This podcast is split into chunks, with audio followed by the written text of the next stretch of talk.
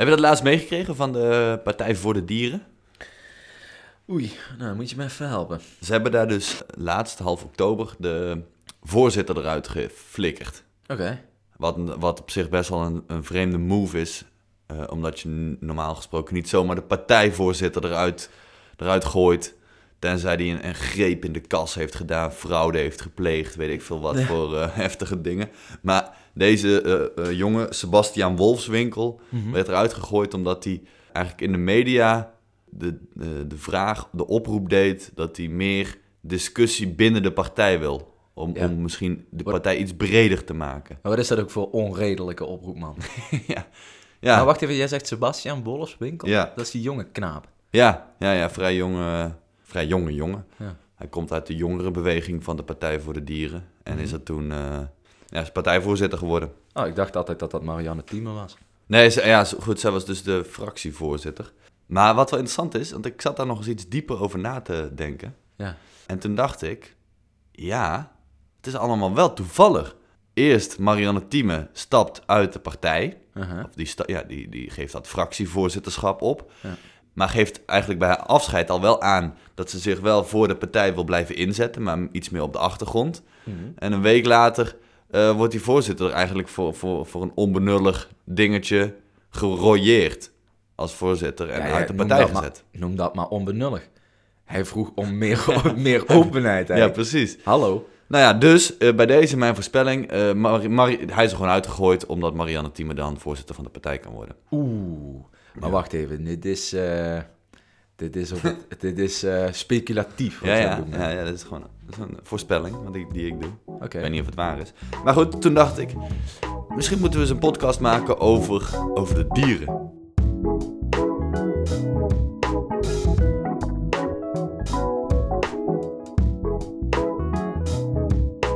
Dit is met een korreltje zout. In deze podcast nemen we je wekelijks mee naar internationale obscuriteiten en geopolitieke uithoeken. Ongezouten, maar met smaak. Wij zijn Max en Auke. Welkom.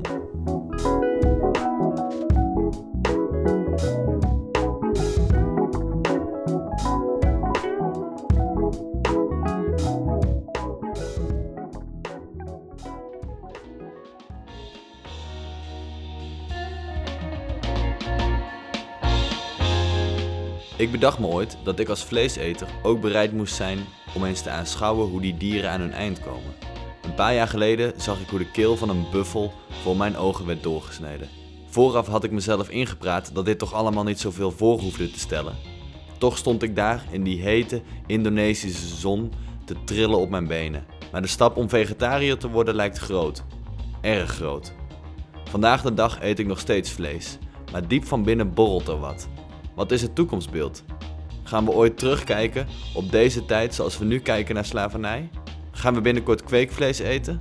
Vandaag kijken we met een nuchtere blik naar het hoe en wat van deze beestenboel. Vandaag in Met een korreltje zout. Ethisch van streek, vlees in de kweek.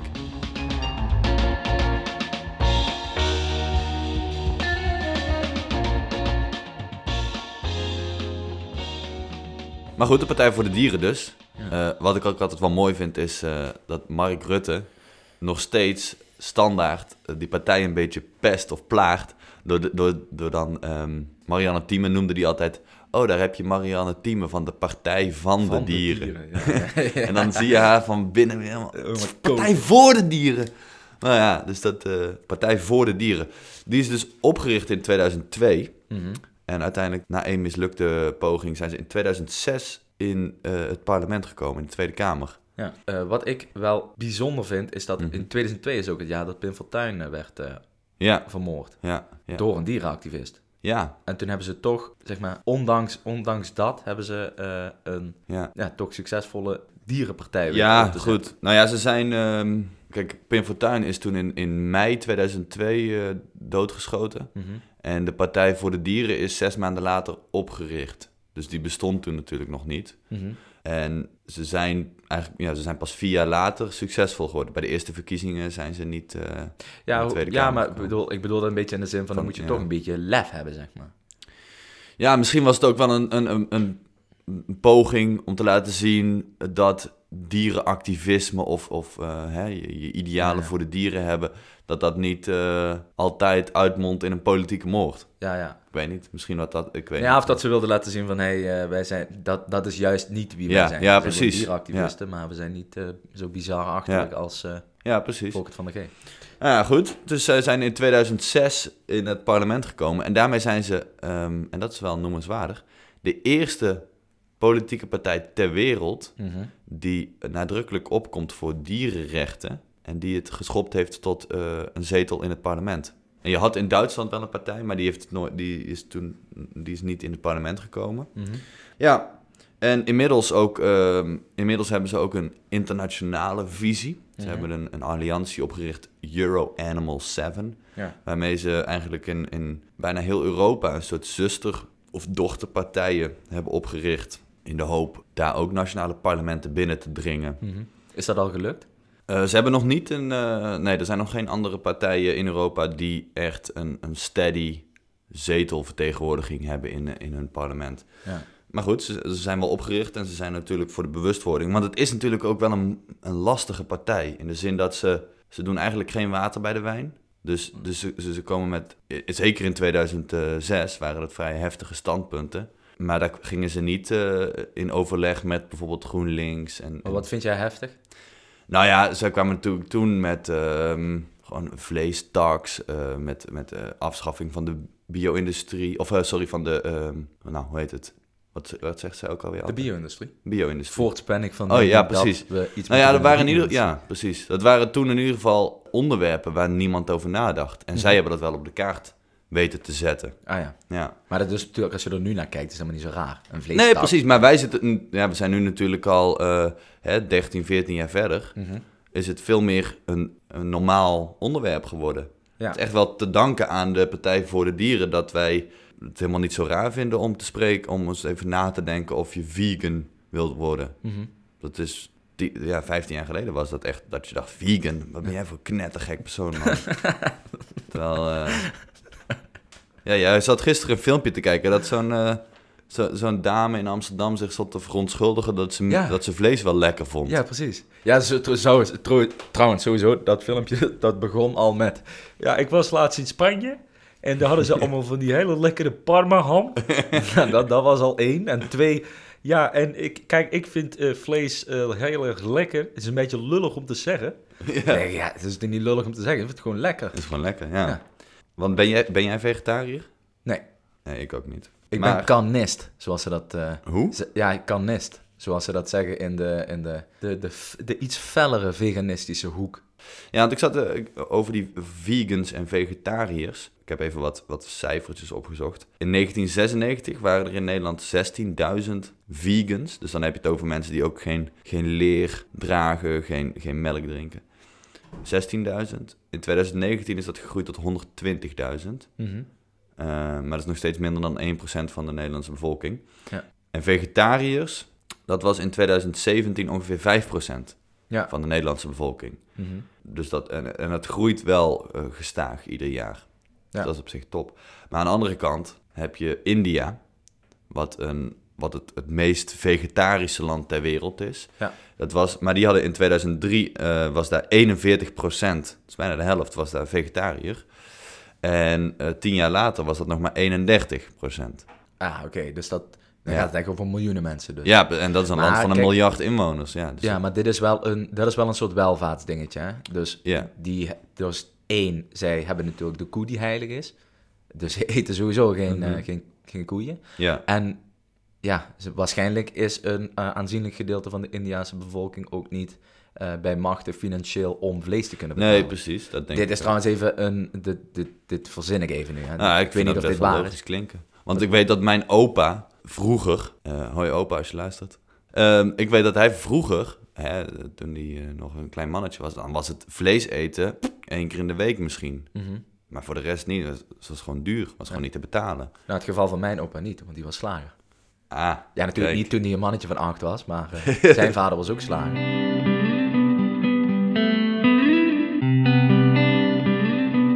Ik heb me voor deze podcast eens even verdiept in het slachtwereldje. In het eh, wereldje van de dieren. In Ja. de dieren heb ik me verdiept. En ik, ben, ik moet wel zeggen dat ik toch aan het denken ben gezet. Maar daar komen we zo meteen even op. Want we, ik stelde jou zojuist, voordat we de podcast begonnen, stelde ik jou de vraag...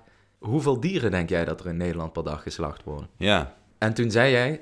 ik, ik dacht eh, pff, 20.000. Oké, eh, nou, het zijn er meer. Oké. 40.000. Nee, het is, er worden dus per dag in Nederland een miljoen en 750.000 dieren geslacht. Wow. Ja. 1,2 miljoen, eh, 1,7 miljoen. 1,7,5 miljoen. Wow. Dat is natuurlijk gestoord veel. En de, de, dus ja, er zijn natuurlijk ook een hele hoop kippen die er, eh, die er, die eraan Ja, gaan. ja, tuurlijk. Dat, dat, en allemaal Die te pluim, grazen vee en ik veel wat allemaal. Wat zeg je? Die te grazen genomen worden. Ja. ja, dat zeg je goed, ja. Zeg ik lachend.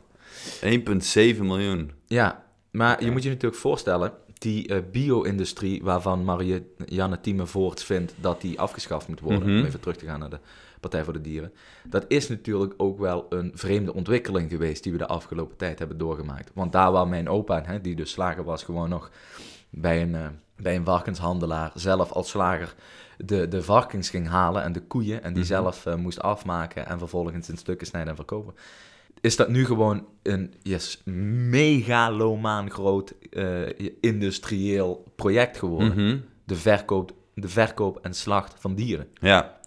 Want weet jij hoe... Ik vroeg me dat laatst af. Hoe, hoe worden die koeien eigenlijk geslacht? Ja, een koe, eh, volgens mij een koe met een pen in het hoofd. Mhm. Met zo'n, eh, ja, die heeft gewoon een pen in het hoofd. Een En dan pin. is dat patsboom klaar. Nou ja, dat is dus de vraag. Dat weten ze dus niet helemaal of dat patsboom klaar is. Mhm. Want ja, het onderzoek blijkt toch dat je dan niet helemaal meteen hersendood bent.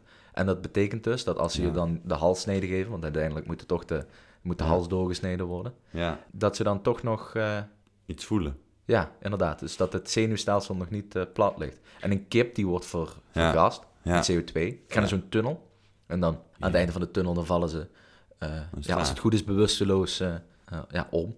Ja. Hetzelfde geldt voor een varken. Of ze Mhm. krijgen een klein stroomstootje.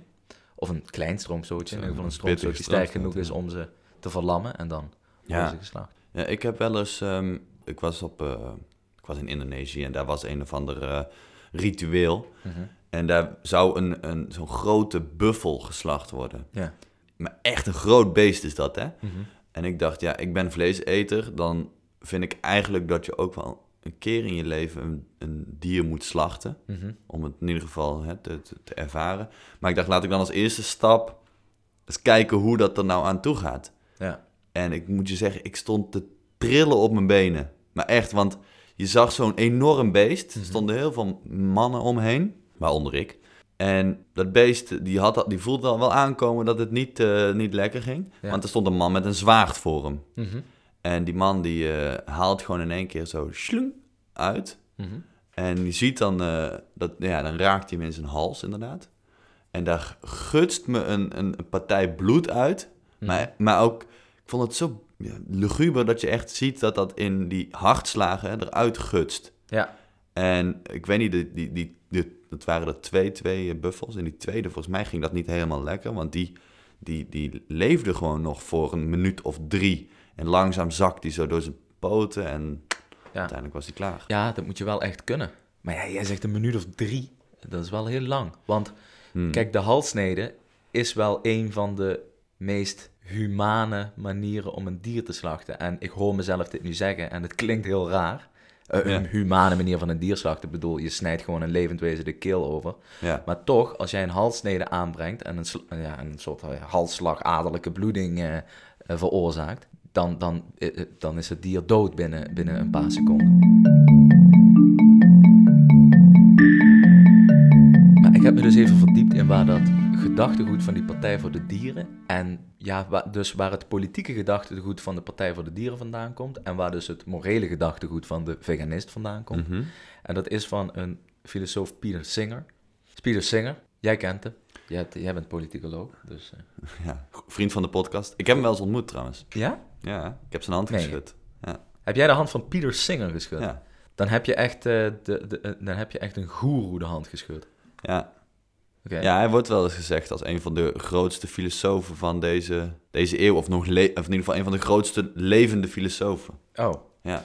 Ja, goed voor de mensen die hem niet kennen. zoek hem even op. Maar het gaat, natuurlijk, het gaat niet om zijn kop, het gaat natuurlijk om zijn gedachtegoed. Ja.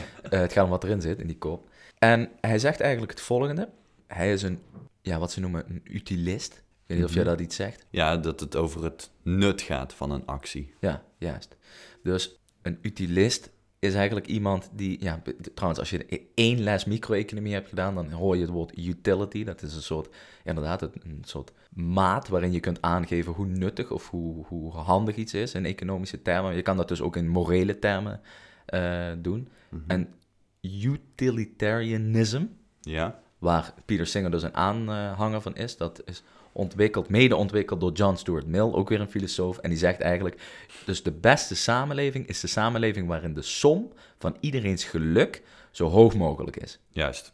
En een basisprincipe wat daar natuurlijk bij eh, gemoeid is, wat daar natuurlijk mee gemoeid is, is een soort egalitarisme. Hè? Dus we moeten allemaal gelijk zijn. Of we zijn ervan Ja. overtuigd dat we Ja. allemaal gelijk zijn. Iedereen, iedereen verdient een goed leven, bla bla bla. Vrouw, man, wit, zwart, dik, dun. Dus ondanks dat er verschillen zijn tussen mensen, is het gelijkheidsprincipe een soort moreel ding. Snap je? Het gaat niet over, het gaat niet over feitelijke gelijkheid. Ja. Dus we weten allemaal dat iemand uit Kenia sneller rent dan iemand uit Zwitserland.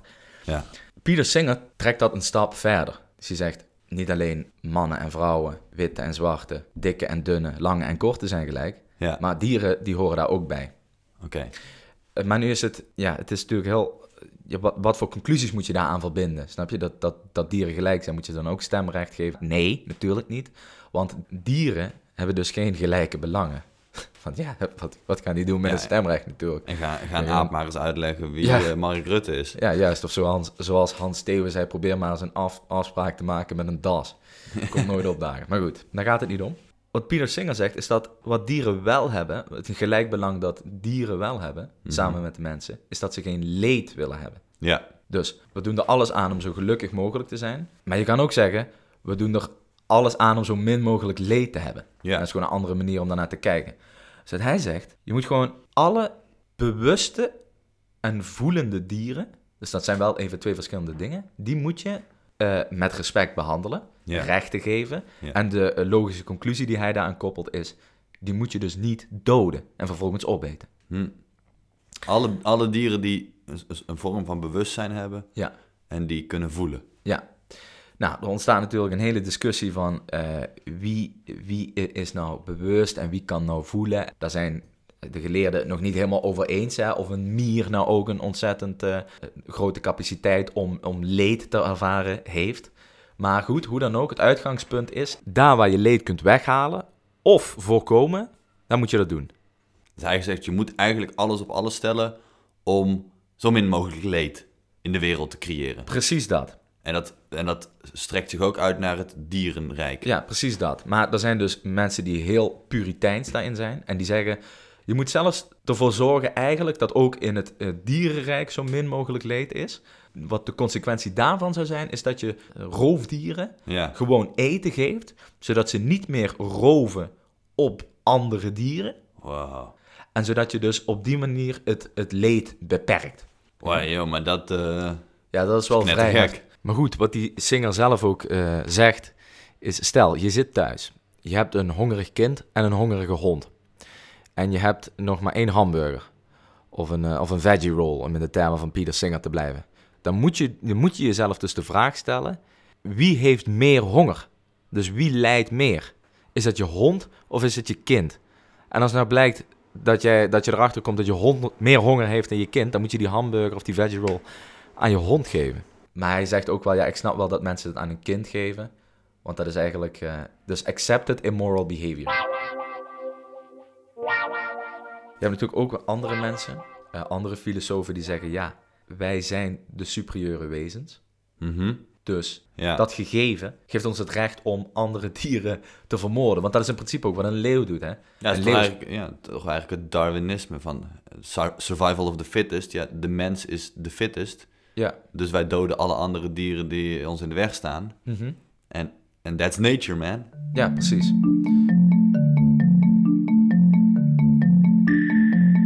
Maar ik werd toch een beetje aan het wankelen gebracht gisteravond. Toen ik een interview keek van Floris van den Berg, bekende veganistische filosoof. Ja, Eh, schrijver.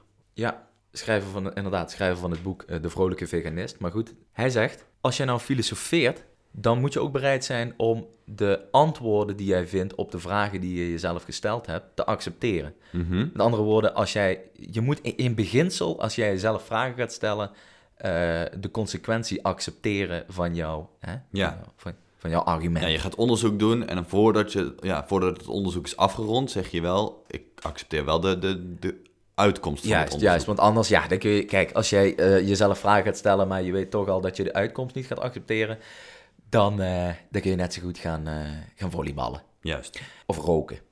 Maar, nu is het ding even, daar ben ik het dus mee eens. Mhm.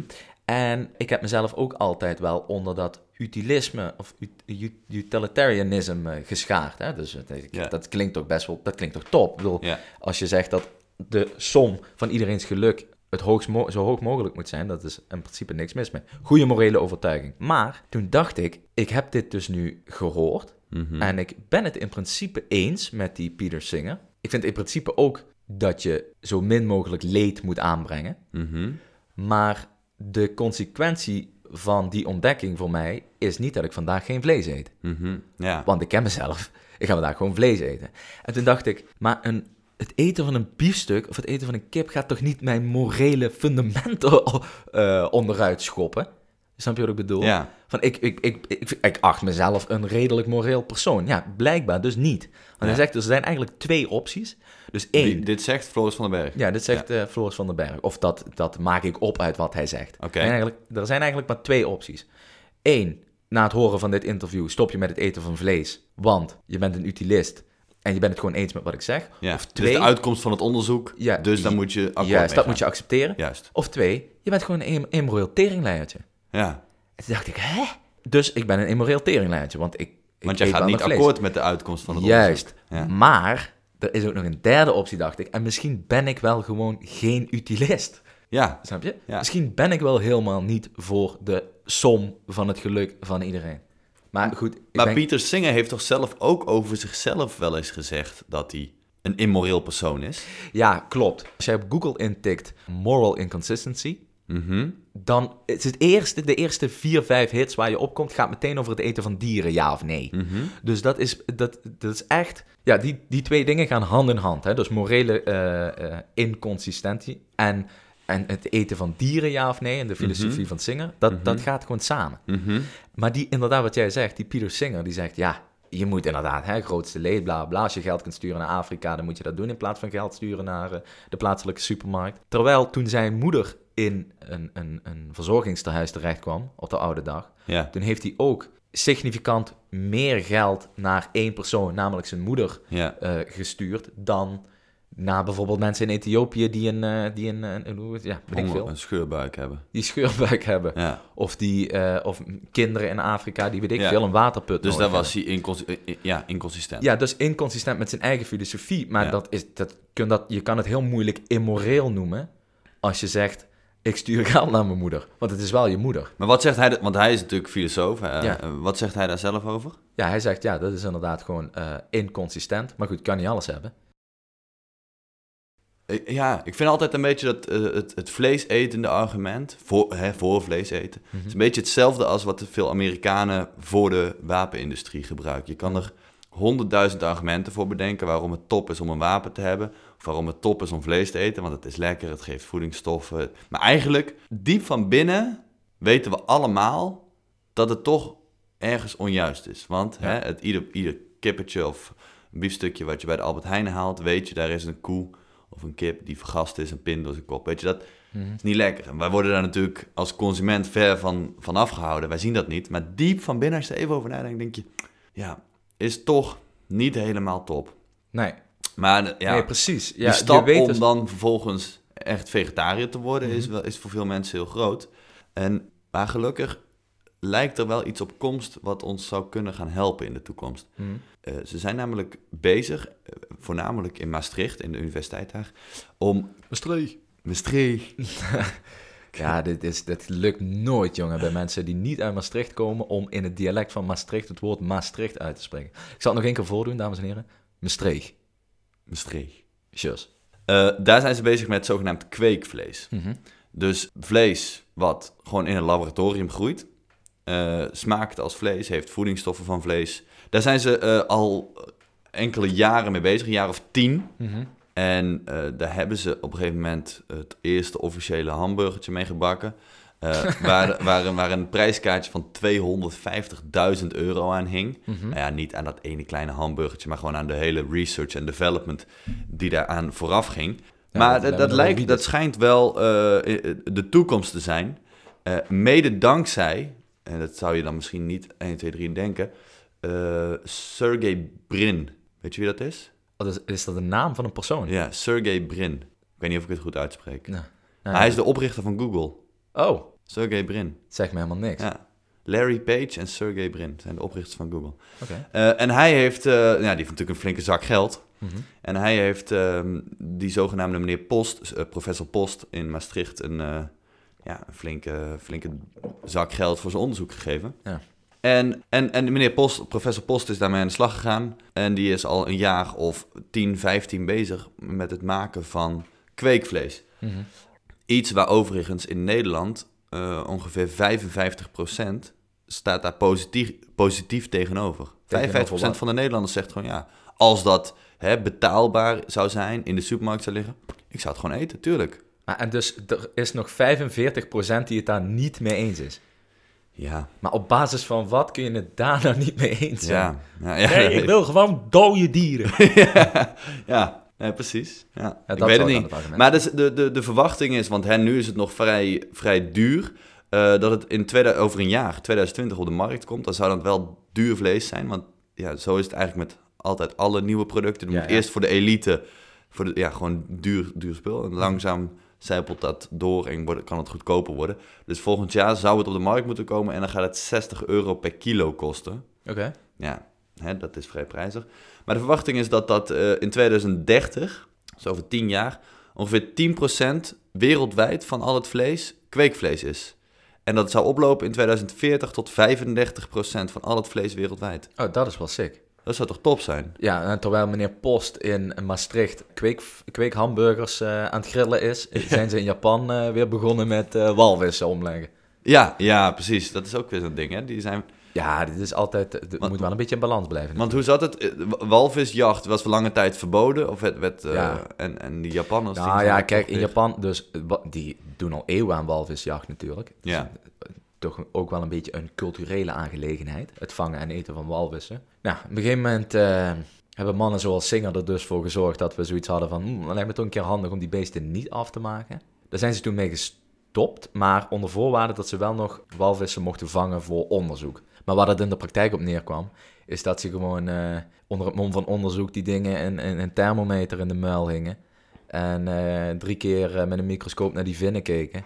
En dan vervolgens die dingen toch gewoon eh, slijten aan, eh, aan eh, ja, vis speciaalzaken. Dat lag gewoon daar in de lokale Tokio's supermarkt. Juist, maar sinds dit jaar 2019, volgens mij juli, hebben ze gezegd, ja jongens, met alle respect, maar wij gaan gewoon weer, wij gaan gewoon weer whalen, whalen. Gewoon weer walvis. Tot grote ergernis van natuurlijk Greenpeace en waarschijnlijk ook Marianne Thieme. Maar ik heb dat trouwens gegeten, hè, walvis. Meen je? Ja, nee, maar dat is dus letterlijk vlees nog vis. Het is dus vis, het is een soort vissige textuur, Mhm. maar het smaakt naar hert. Dus je zit wel reclame te maken nu, want eh, Ja, we gaan ja. zo lunchen volgens mij. Nee, nee, ja, ik vond het niet lekker. Maar Oh. eh, ja, ik vond er eigenlijk echt geen reet aan. Maar goed, ik heb het dus gehad en Ja. dus dat. Ja, Dus wij zijn bezig met het kweken van allemaal hamburgers. Ja, maar ik En- ben er wel voorstander van. Ja, wat je zegt, hoe kan je daar nou geen voorstander van zijn? Als we straks... eh Waarvan? oh, van, van het kweekvlees, hè? En dat zouden we natuurlijk... Ik weet, ik weet niet zo goed hoe het onderzoek staat met eh, kweekwalvissen. Mhm. Maar dat zou natuurlijk eh, alleen maar aangemoedigd moeten worden. Ja, Want ik denk dat mensen toch wel dit willen blijven eten. oh ja, absoluut. Maar kijk, wij hebben nu met z'n tweeën de afgelopen, de afgelopen 30 minuten een beetje gesproken over dat het wel eens goed zou zijn om minder vlees te eten. Ja, Ja, stoppen met vlees eten, dat gaat hem sowieso niet worden. Het hoeft ook niet, snap je? We zijn omnivoren, we eten vlees, we Ja. snijtand. Maar we, geven, we houden wel een soort pleidooi voor het eten van ofwel geen, ofwel minder vlees. Terwijl wij zelf, wat is dat nou, wat is dat nou? Waardoor wij dus zelf niet minder vlees gaan eten. Ik denk dat je gewoon heel eerlijk naar jezelf moet zijn en moet, gewoon moet zeggen: ja, ik ben gewoon te, te, te lui of te slap of te. Ik heb er gewoon geen zin in Ja. om te stoppen met vlees eten. Ja, maar toch dat is gewoon toch... een soort... Ja, waarom, waarom een roker... ro- waar, als je een roker vraagt, waarom rook je nou? Ja, die zal ook zeggen, ja, ik weet ook dat het slecht is voor me. Maar ik vind Ja. het gewoon lekker. Ik vind het gewoon chill. Maar En dat is toch iets- eigenlijk het argument wat jij en ik en met ons een groot deel van de, de bevolking van Nederland heeft. Ik vind Ja. het gewoon lekker. Ja, klaar. En wat eet u dan liever, een Big Mac of een tofu burger? Een Big Mac. Ja, ja, die CO2-uitwas in Nederland, jongens. Net nogmaals, Nederland is zo'n pikkie op die kaart. Zo'n pikkie. Moeten wij dan eh, van de armoede zo'n zo, zo'n vieze eh, vegetarische burger met, met, met gestoofde prei en eh, opgepofte maiskolven, weet ik wat er allemaal in zit, gaan zitten vreten? Ja, het, ja. Het houdt me toch bezig. Ik weet niet of ik helemaal tevreden ben met dat, met dat gegeven. Dat we zo in elkaar steken. Maar ik denk wel dat het, eh, dat het de realiteit is. ja, ja. Nou, zullen we maar gaan lunchen dan? Chorizo worst en een kippenbad. Nee, even Ik serieus. zwengel de ga- man. Even serieus. We gaan nu geen vlees eten tijdens de lunch. Oké. Nee, is gelul. We gaan Ehm, gewoon vlees eten. hoor. Dames en heren, bedankt voor het luisteren. Heel tof dat jullie naar ons luisteren. Volg ons op Instagram, Mhm. Spotify, Facebook. En eh, wat ons het meest zou helpen is spread the word naar eh, vrienden, familie, collega's. Ja. Zou voor ons heel, zouden wij heel tof vinden. Ja. Bedankt en tot eh, volgende week.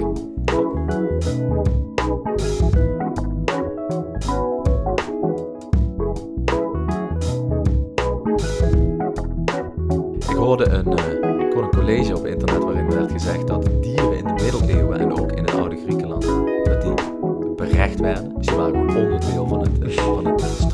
strafrechtsysteem. Ja? En toen stuitte ik dus op het verhaal van de ratten van Autun. En die ratten die hadden dan, eh, die- een paar ratten die hadden een k- een veld kaal gevroten.